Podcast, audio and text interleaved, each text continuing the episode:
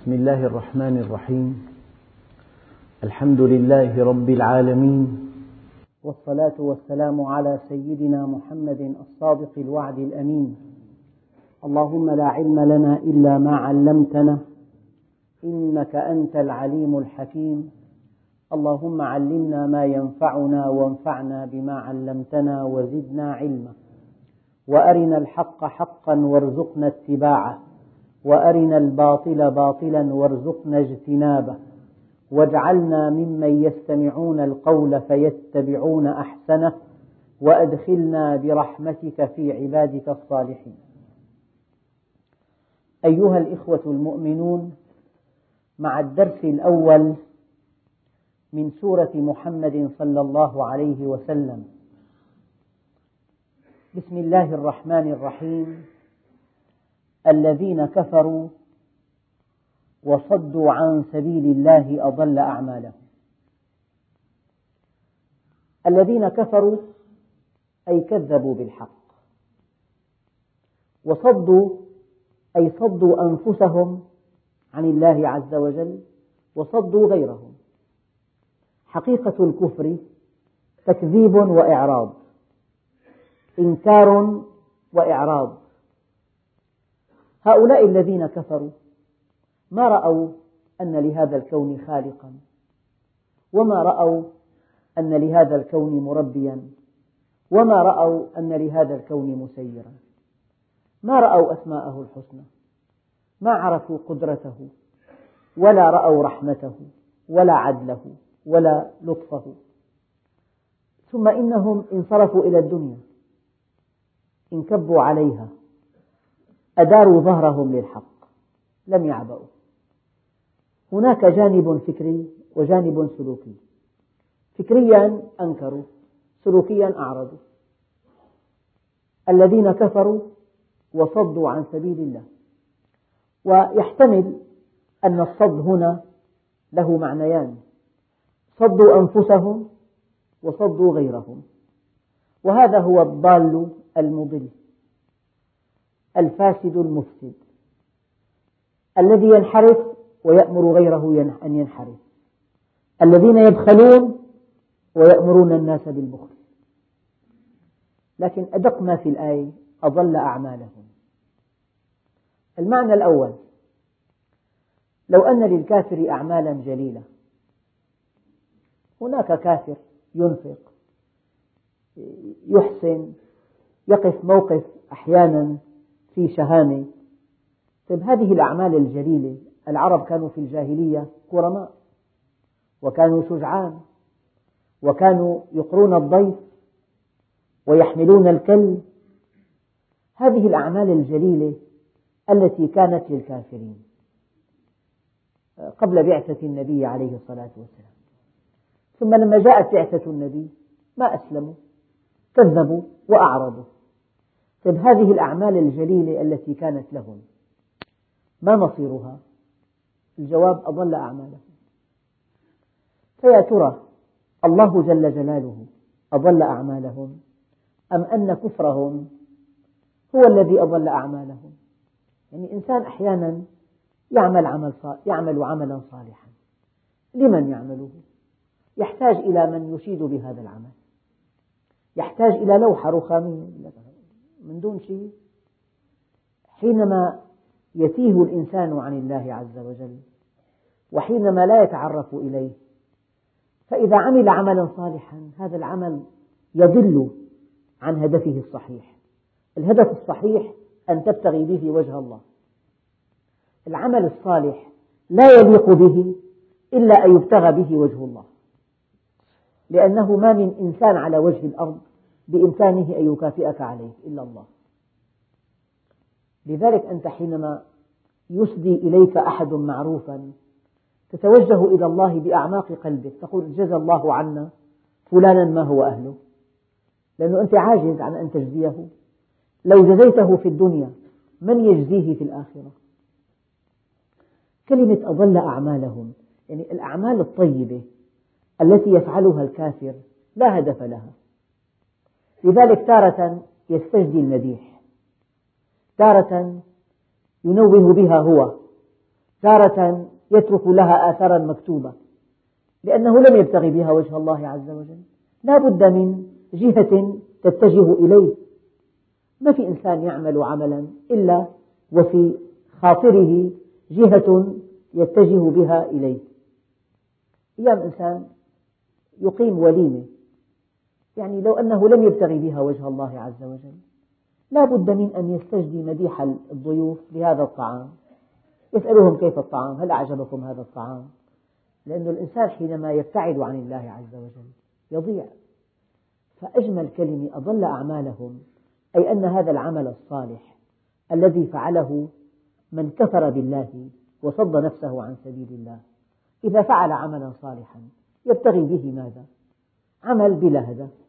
إذا لا بد من أن يستجدي المديح. لا بد من أن ينوه به. لا بد من أن يمدح نفسه. لأنه ما في عمل بلا مقابل. الإنسان العاقل لا يعمل عملا بلا مقابل. فالمقابل هو مديح الناس أو إكبار الناس أو رفعة الشأن أو تخليد العمل. إذا أضل أعمالهم المعنى الأول أن العمل الصالح الذي يبدو للناس أن الكافر يفعله. هذا العمل كفر الكافر بالله عز وجل وإضلال نفسه عن سبيل الله. يجعل هذا العمل ضالا أي لا هدف له. الإنسان الضال يمشي بلا هدف. لو أن إنسانا ضل طريقه في الصحراء يتحرك حركة عشوائية بلا هدف. تارة يمينا تارة شمالا تارة شرقا تارة غربا لا يعرف. فالحركة غير الهادفة حركة ضالة. والعمل الصالح الذي يفعله الكافر الذي لم يؤمن بالله عز وجل ولم يؤمن برسوله وصد نفسه عن الله وعن رسوله العمل الصالح الذي يفعله الكافر عمل ضال أي بلا هدف. لذلك مما يرافق هذا العمل التأكيد على مدح الذات. مما يرافق هذا العمل استجداء المديح. مما يرافق هذا العمل التخليد بشيء أو بآخر. هذا هو المعنى الأول. يعني حتى الأعمال حتى الأعمال الصالحة أي حتى حرف ابتداء حتى الأعمال الصالحة التي يفعلها الكفار هذه الأعمال ليس لها هدف واضح. لذلك شبهت في هذه الآية الكريمة بأنها ضالة تتحرك حركة عشوائية.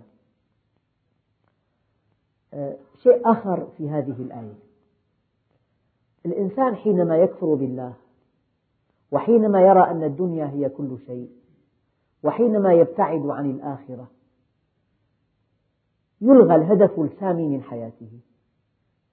قد يقول لك قائل لماذا نحن على وجه الأرض؟ لا ندري لماذا نحن هنا. من أجل أن نأكل أو أن نشرب. حينما يفقد الإنسان الهدف يضيع. فلذلك المعنى الثاني أن أعمال الكافر الذي ضل, عن ضل كفر وصد نفسه عن سبيل الله أعماله تتحرك حركة عشوائية لا هدف لها.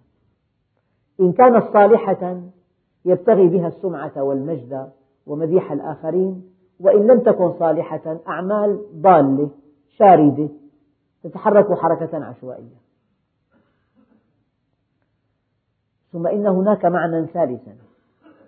الذين كفروا وصدوا عن سبيل الله. لأنه في عمى. ومن أعرض عن ذكري فإن له معيشة ضنكا. ونحشره يوم القيامة أعمى. قال رب لم حشرتني أعمى وقد كنت بصيرا؟ قال كذلك. كنت في الدنيا أعمى. فالأعمى الذي لا يعرف الله عز وجل تجده لا يأتي عمله مصيبا يأتي عمله أخرقا. قد يدبر تدبيرا يكون هذا التدبير تدميرا له. إن الذين كفروا ينفقون أموالهم ليصدوا عن سبيل الله فسينفقونها ثم تكون عليهم حسرة ثم يغلبون. يعني الكافر لو كان ذكيا لو كان في أعلى مستويات الذكاء لو كان عاقلا كما يقول هو لو كان ذا خبرات متراكمة لو أتيحت له الحقائق كلها بين يديه لأنه كفر, عن كفر بالله عز وجل انقطع عن الله عز وجل. وما دام قد انقطع عن الله عز وجل فهو في عمى. لذلك الكافر يتحرك في الحياة الدنيا كما يتحرك الأعمى في طريق موحشة مظلمة أو فيها مخاطر. حركة الأعمى حركة عشوائية حركة غير هادفة حركة غير واضحة. فأول معنى لو كان يقري الضيف لو كان يعين على نوائب الدهر لو كان شجاع أعماله لأنه كفر بالله وصد عن سبيل الله ضلت لم تتجه إلى الهدف الصحيح. العمل الصالح لا يليق بالعمل الصالح إلا أن يتجه لله عز وجل. لأن الله جل جلاله هو الذي يكافئ على هذه الأعمال ويكافئ عليها بجنة عرضها السماوات والأرض.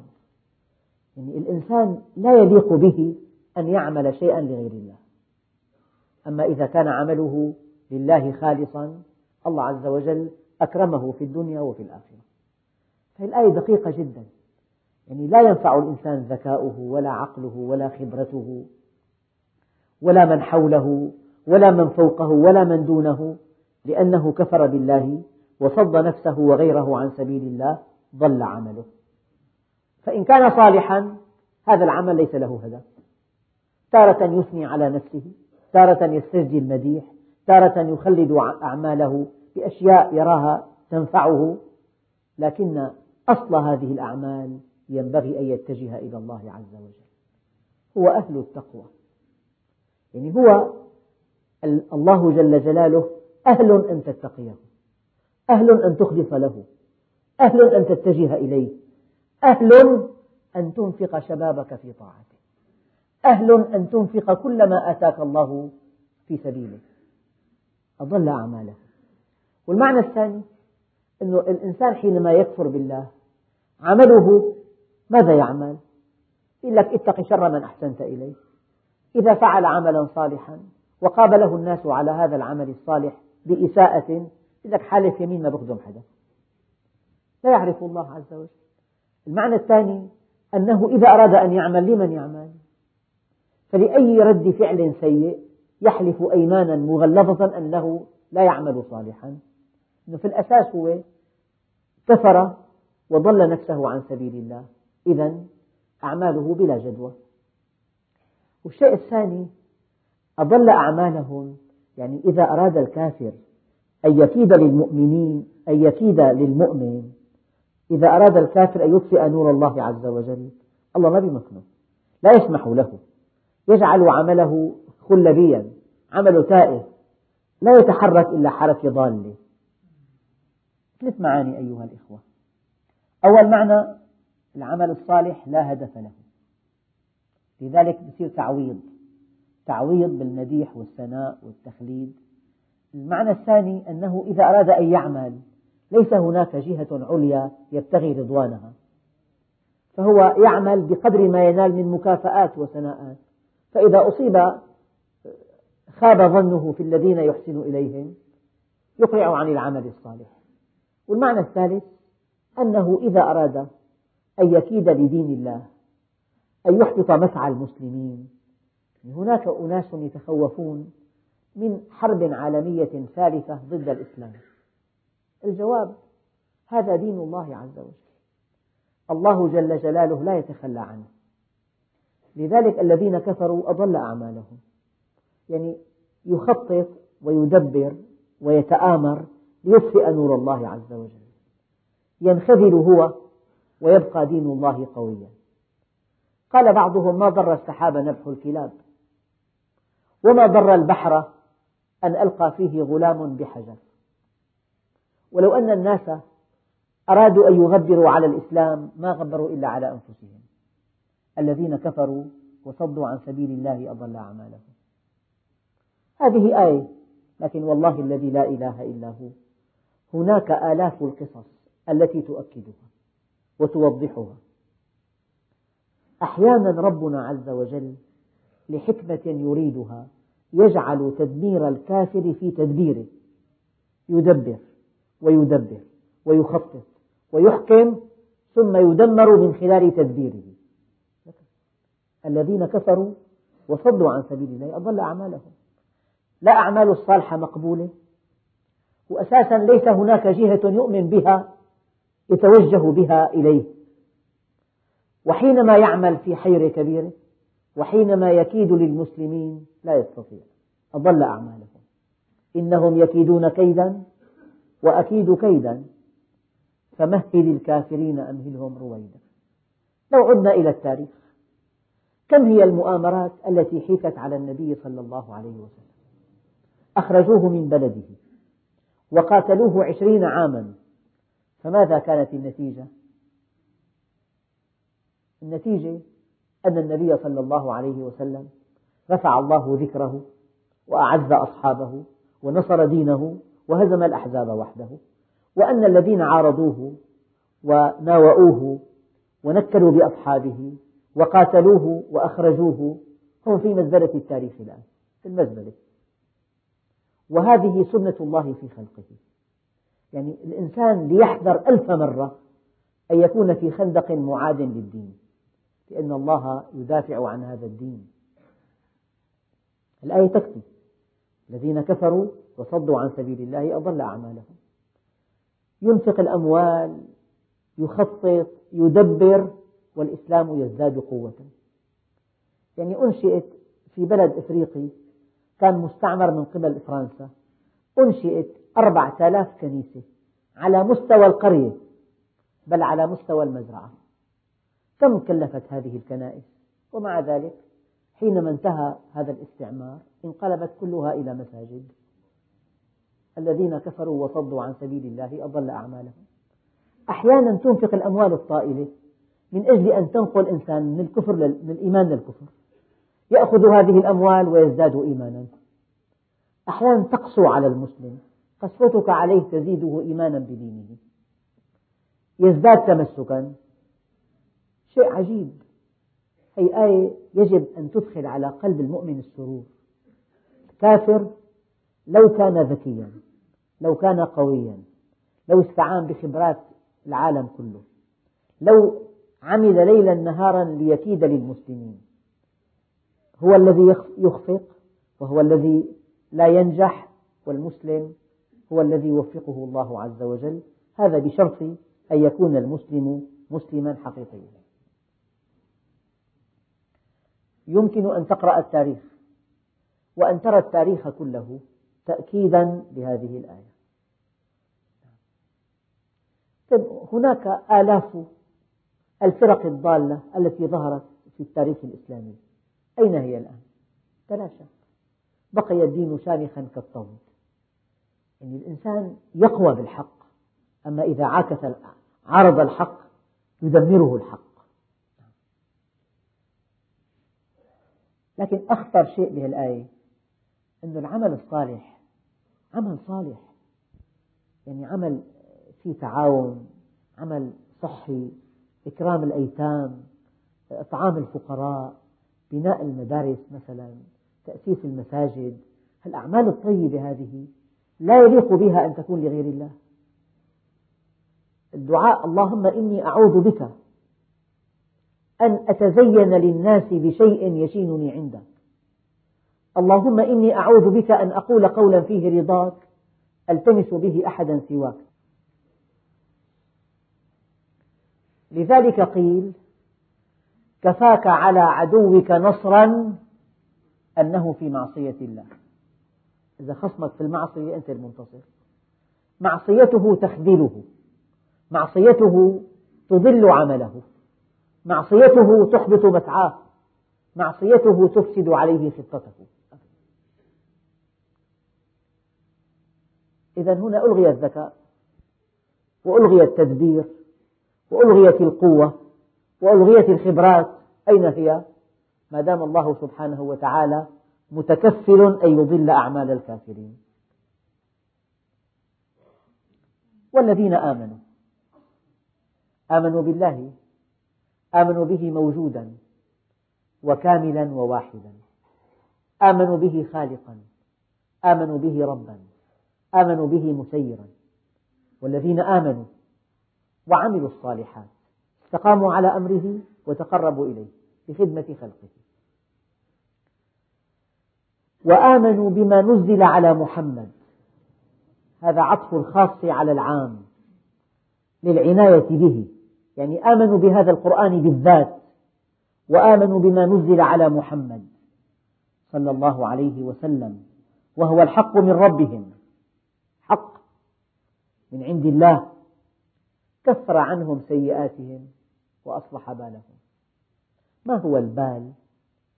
البال هو الحال يعني أصلح أحوالهم فبينما تكون نفس الكافر قلقة مضطربة خائفة ممزقة مشتتة مبعثرة تائهة شاردة ضالة نفس المؤمن مطمئنة مستريحة.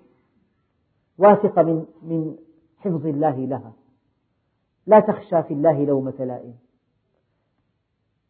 ينزل الله عليها السكينة والأمن. فأي الفريقين أحق بالأمن إن كنتم تعلمون الذين آمنوا؟ هذا معنى صلاح البال يعني في آية أخرى سيهديهم ويصلح بالهم. يعني ربنا عز وجل رفع صلاح البال إلى مستوى الهدى. تلاقي المؤمن لو شققت على صدره أو لو قرأت أفكاره أو لو اطلعت على سريرة نفسه وجدت فيه الأمن وجدت فيه الراحة الرضا بقضاء الله وجدت فيه التفاؤل وجدت فيه الاستقرار أي معنى يصلح بالهم. بالهم أي حالهم. يعني يطمئنهم يثبتهم يرفع معنوياتهم يأخذ بيدهم يلهمهم يرشدهم يسدد خطاهم. والذين آمنوا آمنوا بالله وعملوا الصالحات. والإيمان والعمل الصالح يتكرر في القرآن الكريم أكثر من مئتي مرة. بمعنى أنه لا قيمة للإيمان من دون عمل والعمل من دون إيمان لا يكون. العمل من دون إيمان لا يكون والإيمان من دون عمل جنون. يعني تزداد حجة الله عليك. والذين آمنوا وعملوا الصالحات وآمنوا بما نزل على محمد وهو الحق من ربهم. الحقيقة هذا الكتاب الذي بين أيدينا. يعني إذا قرأناه كلما كان إيماننا بالله عز وجل في مستوى عالي نأخذ هذا الكلام مأخذا جديا ونتحرك وفق مدلولاته. أما إذا كان الإيمان ضعيف كما يقولون يقرؤونه للتبرك وهم يعصونه. وقد قال النبي عليه الصلاة والسلام ما أمن بالقرآن من استحل محارمه. ورب تال للقرآن والقرآن يلعنه. القرآن ينبغي أن تقيم حدوده وأن تحل حلاله وأن تحرم حرامه وأن تتحرك وفق ما يأمرك به وأن تتخلق بأخلاقه. كما سئلت السيدة عائشة قالت كان خلقه القرآن عليه الصلاة والسلام. كفر عنهم سيئاتهم وأصلح بالهم. هذا صلاح البال لا يقدر بثمن.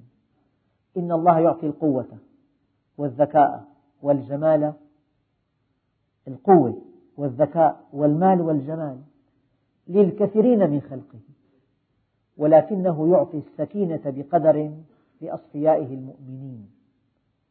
يعني إذا كان صح التعبير الصحة النفسية التوازن التكيف الاستقرار الأمن الطمأنينة التفاؤل النظرة الموضوعية هذه الخصائص التي يسمونها من مظاهر الصحة النفسية متوافرة جميعها في المؤمن.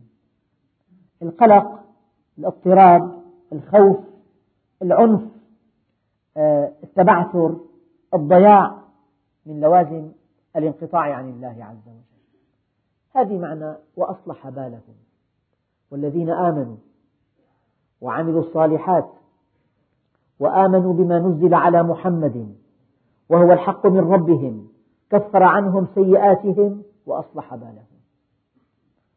يعني شعور الإنسان إذا شعر أن خالق الكون راض عنه.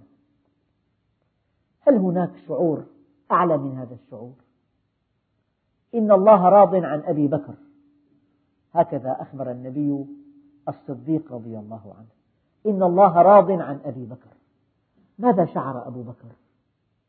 حينما قال النبي الكريم لسيدنا معاذ والله يا معاذ إني لأحبك من هذا الذي يحبه؟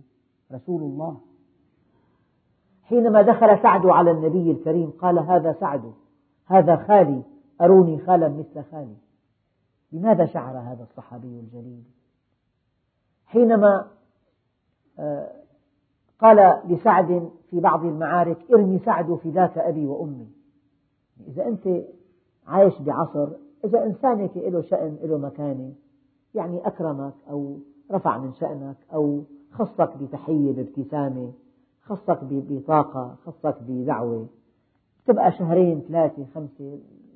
يعني تملأ الدنيا ضجيجا بهذا اللقاء وبهذا الحفل وبهذا.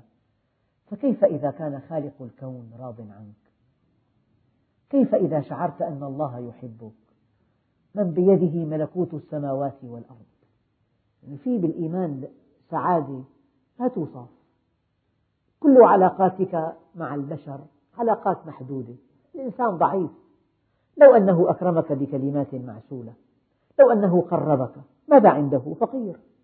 لكن الخالق العظيم إذا قرب الإنسان أو إذا طمأن الإنسان أو إذا تجلى على هذا الإنسان أو إذا ملأ قلبه سكينة أو إذا ملأ حياته سعادة أو إذا أودع محبته في قلوب الخلق أو إذا جعل أعداءه في خدمته.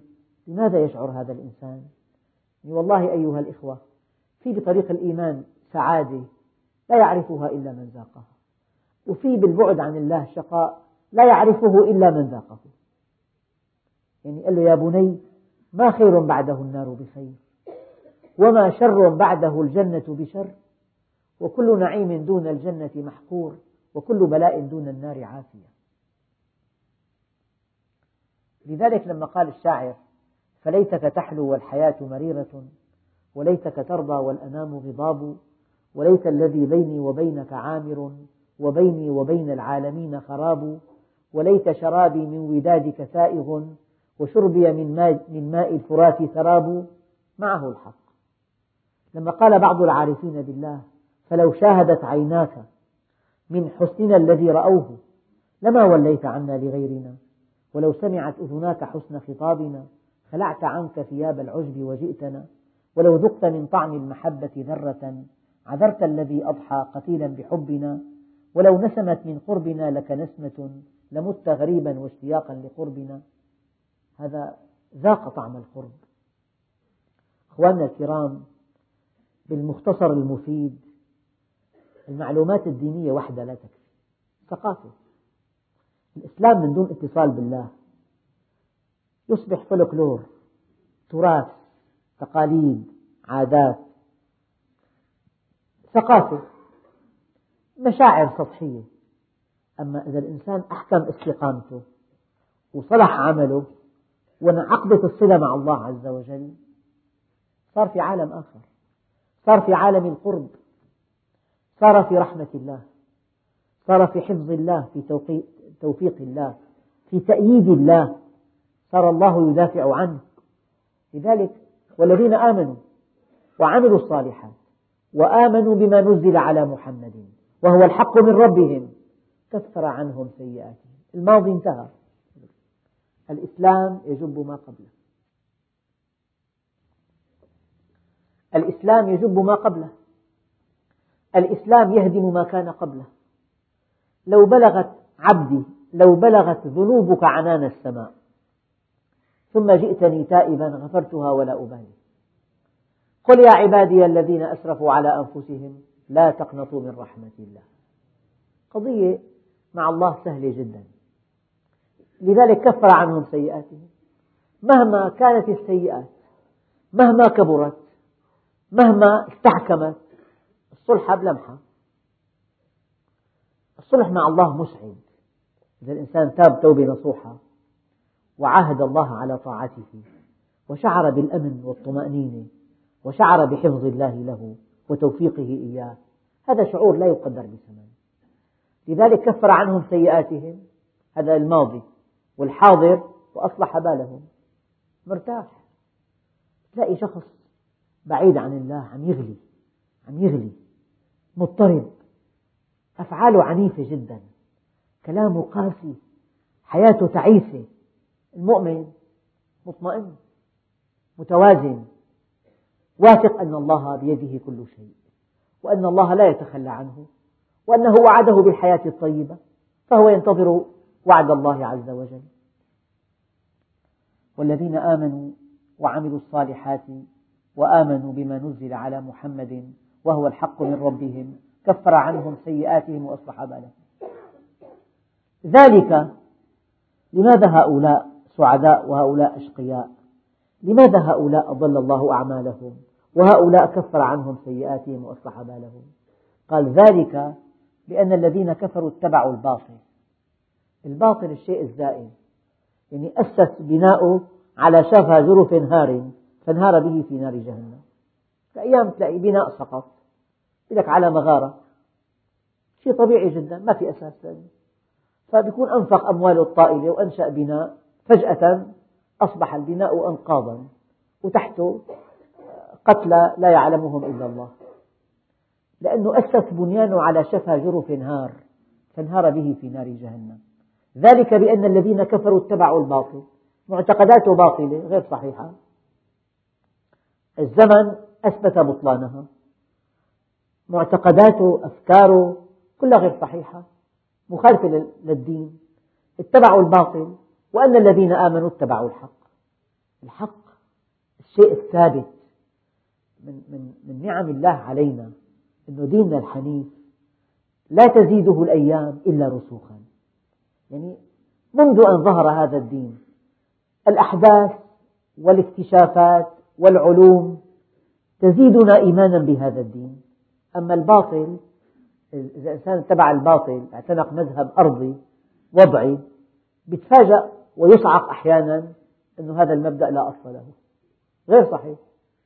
وهذا ما جعل من يعتنق المذاهب الوضعية التي انهارت انهيارا كبيت العنكبوت. ماذا يفعلون؟ وقعوا في شر أعمالهم ووقعوا في إحباط شديد وفي خيبة أمل مرة. يعني إذا واحد تبع مبدأ أرضي في عنده مفاجأة كبيرة الآن أو بعد حين أن هذا المبدأ غير صحيح. ما له أساس من الصحة. باطل. لكن إذا الإنسان اتبع منهج الله عز وجل لينم مرتاح البال. لا يمكن أن يظهر شيء في الأرض لا فكر ولا اكتشاف ولا حقيقة علمية تبطل هذا الدين. لأنه من عند الله عز وجل. ذلك بأن الذين كفروا اتبعوا الباطل. الشيء الزائد. وأن الذين آمنوا اتبعوا الحق. إذا الإنسان مع الله. الله لا يحوي ولا يزول. لو كان مع إنسان والإنسان مات فجأة ضاعت كل آماله. لو اعتمد على جهة والجهة ضعف مركزها ضاعت كل آماله. لو علق آماله بشيء والشيء فقده فجأة وقع في شر عمله. ذلك بأن الذين كفروا اتبعوا الباطل وأن الذين آمنوا اتبعوا الحق. كذلك يضرب الله للناس أمثالهم. إنسان سمعت هذه القصة أنه إنسان جاء بهذا القمر الدش الصورة غير واضحة. فنصحوه أن يضعه في الشرفة. وضعه بالشرفة في أمام الشرفة شجرة كيمة فنزل وجاء بسلم وضعه ونشر الغصن الذي يحجب عن عنه الصورة. ثم السلم اضطرب فتمسك بهذا الغصن الذي قطعه وبقي منه قطعة فوقع على الأرض وقد أصيب بثلاثين كسر في جسمه. مسك بشيء خلاوي. ذلك بأن الذين كفروا اتبعوا الباطل. مسك بشيء باطل. شيء ما له أصل ما له أساس ما له وجود. أفكار كلها أوهام تعلق بها بنى حياته عليها فلما انهارت انهار معها. يعني من تمام عقل الإنسان يتمسك بالحق يتعلق بالله عز وجل بكل العصور بكل العهود بكل المجتمعات بكل البيئات بكل الأنظمة. الله هو هو ما بيتغير بيده كل شيء. فإذا كنت معه ما في عندك مفاجأة أبدا. إذا كنت مع غيره نجاحك منوط بهذا الذي تعلقت به. فالبطولة أن تكون مع الأصل مع الواحد مع القديم مع الباقي مع الذي بيده كل شيء. ذلك بأن الذين كفروا لماذا أضل أعمالهم؟ لأنهم اتبعوا الباطل. وأن الذين آمنوا اتبعوا الحق من ربهم كذلك يضرب الله للناس أمثالهم. فإذا لقيتم الذين كفروا فضرب الرقاب. حتى إذا أثخنتموهم فشدوا الوثاق فإما منا بعد وإما فداء حتى تضع الحرب أوزارها. ذلك ولو يشاء الله لانتصر منهم ولكن ليبلو بعضكم ببعض والذين قتلوا في سبيل الله فلا يضل أعمالهم. هذه الآية تتحدث عن الأسرة الأسير إذا كان إذا أطلقته وعاد إلى بلاد الكفار وقوى من شوكتهم وأعاد الكرة يقتل. أما إذا كان في العفو عنه إطلاق سراحه تقريبا له من الحق أو في قبول الفدية تقبل الفدية منه أو يمن عليه بالإطلاق أو لحكمة يراها يعني الذي يتخذ القرار الكلي. هذا متعلق بالقتال. ذلك فإذا لقيتم الذين كفروا فضرب الرقاب. حتى إذا أثخنتموهم يعني ضعضعتم قوتهم. وأزلتموهم عن مكانتهم فشدوا الوثاق يعني اقبلوا الأسرى فإما منا أي إطلاق سراح بلا مقابل بعد وإما فداء يفدى الأسير. بمبلغ من المال أو بشيء آخر حتى تضع الحرب أوزارها ذلك ولو يشاء الله لانتصر منهم. هذا المعنى دقيق جدا. دقة هذا المعنى أن هذا الدين دين الله. الله عز وجل قادر أن يفني أعداءه عن آخرهم. من عنده مباشرة دون أن تقاتلوهم. ولكن شاءت حكمة الله عز وجل أن يسمح لكم بشرف الدفاع عن دينه. يعني الله عز وجل هذا الدين دين الله وهذا الدين لن يتخلى الله عنه. المشكلة إما أن يسمح الله لك أن تدافع عنه طبعا هناك حالات كثيرة تمر بالمسلمين. أحيانا الجهاد الفكري هو أقوى جهاد. قال تعالى وجاهدهم به جهادا كبيرا. فتوضيح الحق تبيين الحق إقناع الناس بالحق هذا جهاد أيضا. فأنت إما أن تنال شرف هذا الجهاد في إيضاح الحق للناس وتبيينه وإما أن يستغني الله عنك وهو الذي ينصر دينه. على كل الله عز وجل لا ينتظر من عباده من ينصر دينه. هذا دينه ولا يتخلى عنه. لذلك ولو يشاء الله لانتصر منهم مباشرة ولكن ليبلو بعضكم ببعض والذين قتلوا في سبيل الله فلن يضل أعمالهم. ولا تحسبن الذين قتلوا في سبيل الله أمواتا بل أحياء عند ربهم يرزقون. إنسان قدم حياته. الإنسان إذا قدم ماله الله عز وجل يأخذ هذا المال بيده. الصدقة, الصدقة تقع في يد الله قبل أن تقع بيد الفقير. إذا أنت قدمت جزء من مالك يأخذه الله بيده على تفسير يليق بحضرة الله عز وجل. فكيف إذا قدمت نفسك كلها؟ هذا شيء لا يقدر بثمن. قال هؤلاء الذين قتلوا في سبيل الله فلن يضل أعمالهم. سيهديهم ويصلح بالهم.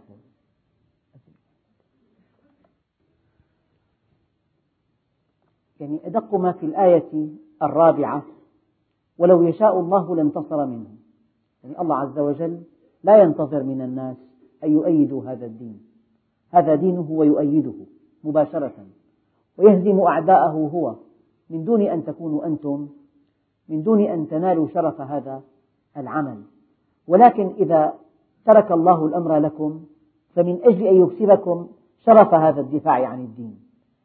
ولو يشاء الله لانتصر منهم. ولكن ليبلو بعضكم ببعض والذين قتلوا في سبيل الله فلا يضل أعمالهم. وينبغي أن يشعر في المؤمن إذا دعا إلى الله إذا أقنع الناس بهذا القرآن طبعا لكل عصر جهاده.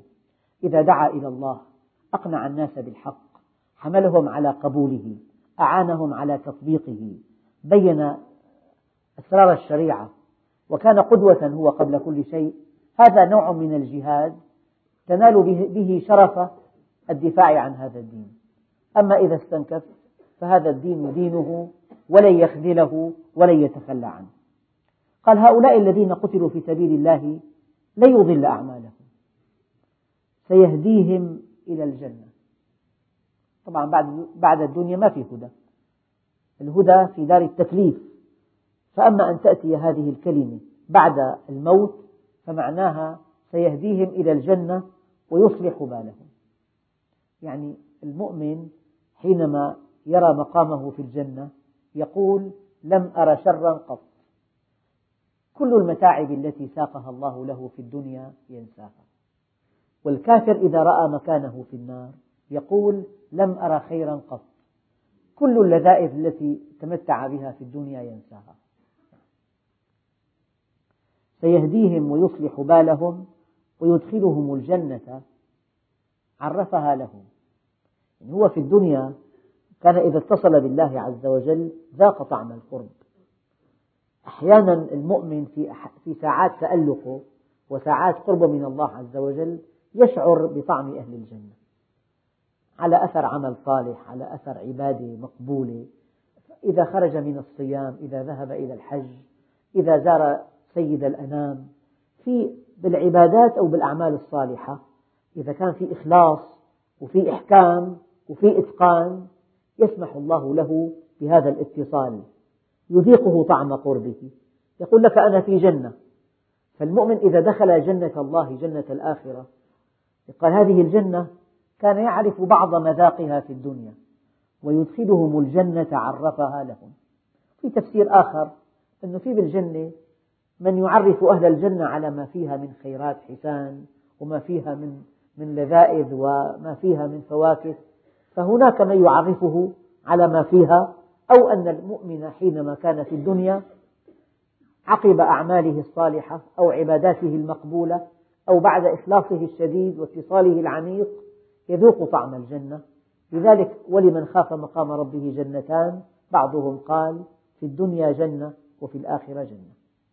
ويدخلهم الجنة عرفها لهم يا أيها الذين آمنوا إن تنصروا الله ينصركم ويثبت أقدامكم. والذين كفروا فتعسا لهم وأضل أعمالهم ذلك بأنهم كرهوا ما أنزل الله فأحبط أعمالهم. هذه الآيات إن شاء الله تعالى نشرحها في درس قادم. يعني أريد قبل أن أنهي الدرس أن أقف عند ثلاث نقاط. الأولى أن الكافر لا ينفعه عقله ولا ذكاؤه ولا قوته ولا بد من أن يرتكب أخطاء فاحشة وحماقات لا توصف. لقول الله عز وجل الذين كفروا وصدوا عن سبيل الله أضل أعمالهم. وأما المؤمن فيتمتع بسعادة لا توصف وهي مصداق قوله تعالى سيهديهم ويصلح بالهم. السبب أن الكافر بنى عقيدته على باطل وسلوكه على باطل. والمؤمن بنى عقيدته على الحق والحق أبدي سرمدي وأن هذا الدين دين الله وأن لكل عصر جهاده وأنك إذا سمح الله لك أن تنشر هذا الدين وأن تدعو إلى الله عز وجل بحكمة وبأسلوب مؤثر فهذا شرف لك. الله عز وجل لا ينتظرك. هو مستغن عنك. ولو يشاء الله لانتصر منهم. ولكن ليبلو بعضكم ببعض والذين قتلوا في سبيل الله فلن يضل أعمالهم. سيهديهم إلى الجنة ويصلح بالهم ويدخلهم الجنة عرفها لهم. يعني المؤمن ينتقل من جنة إلى جنة. يعني نعمه تتصل في الدنيا والآخرة معا. لكن إذا أردتم النصر على أعدائكم يا أيها الذين آمنوا إن تنصروا الله ينصركم. ما لم ننصر دين الله فلن يسمح الله لنا أن ننتصر على أعدائنا. النصر على الأعداء ثمنه أن تنصر دين الله. والآية واضحة كالشمس آية محكمة. يا أيها الذين آمنوا إن تنصروا الله ينصركم ويثبت أقدامكم والحمد لله رب العالمين.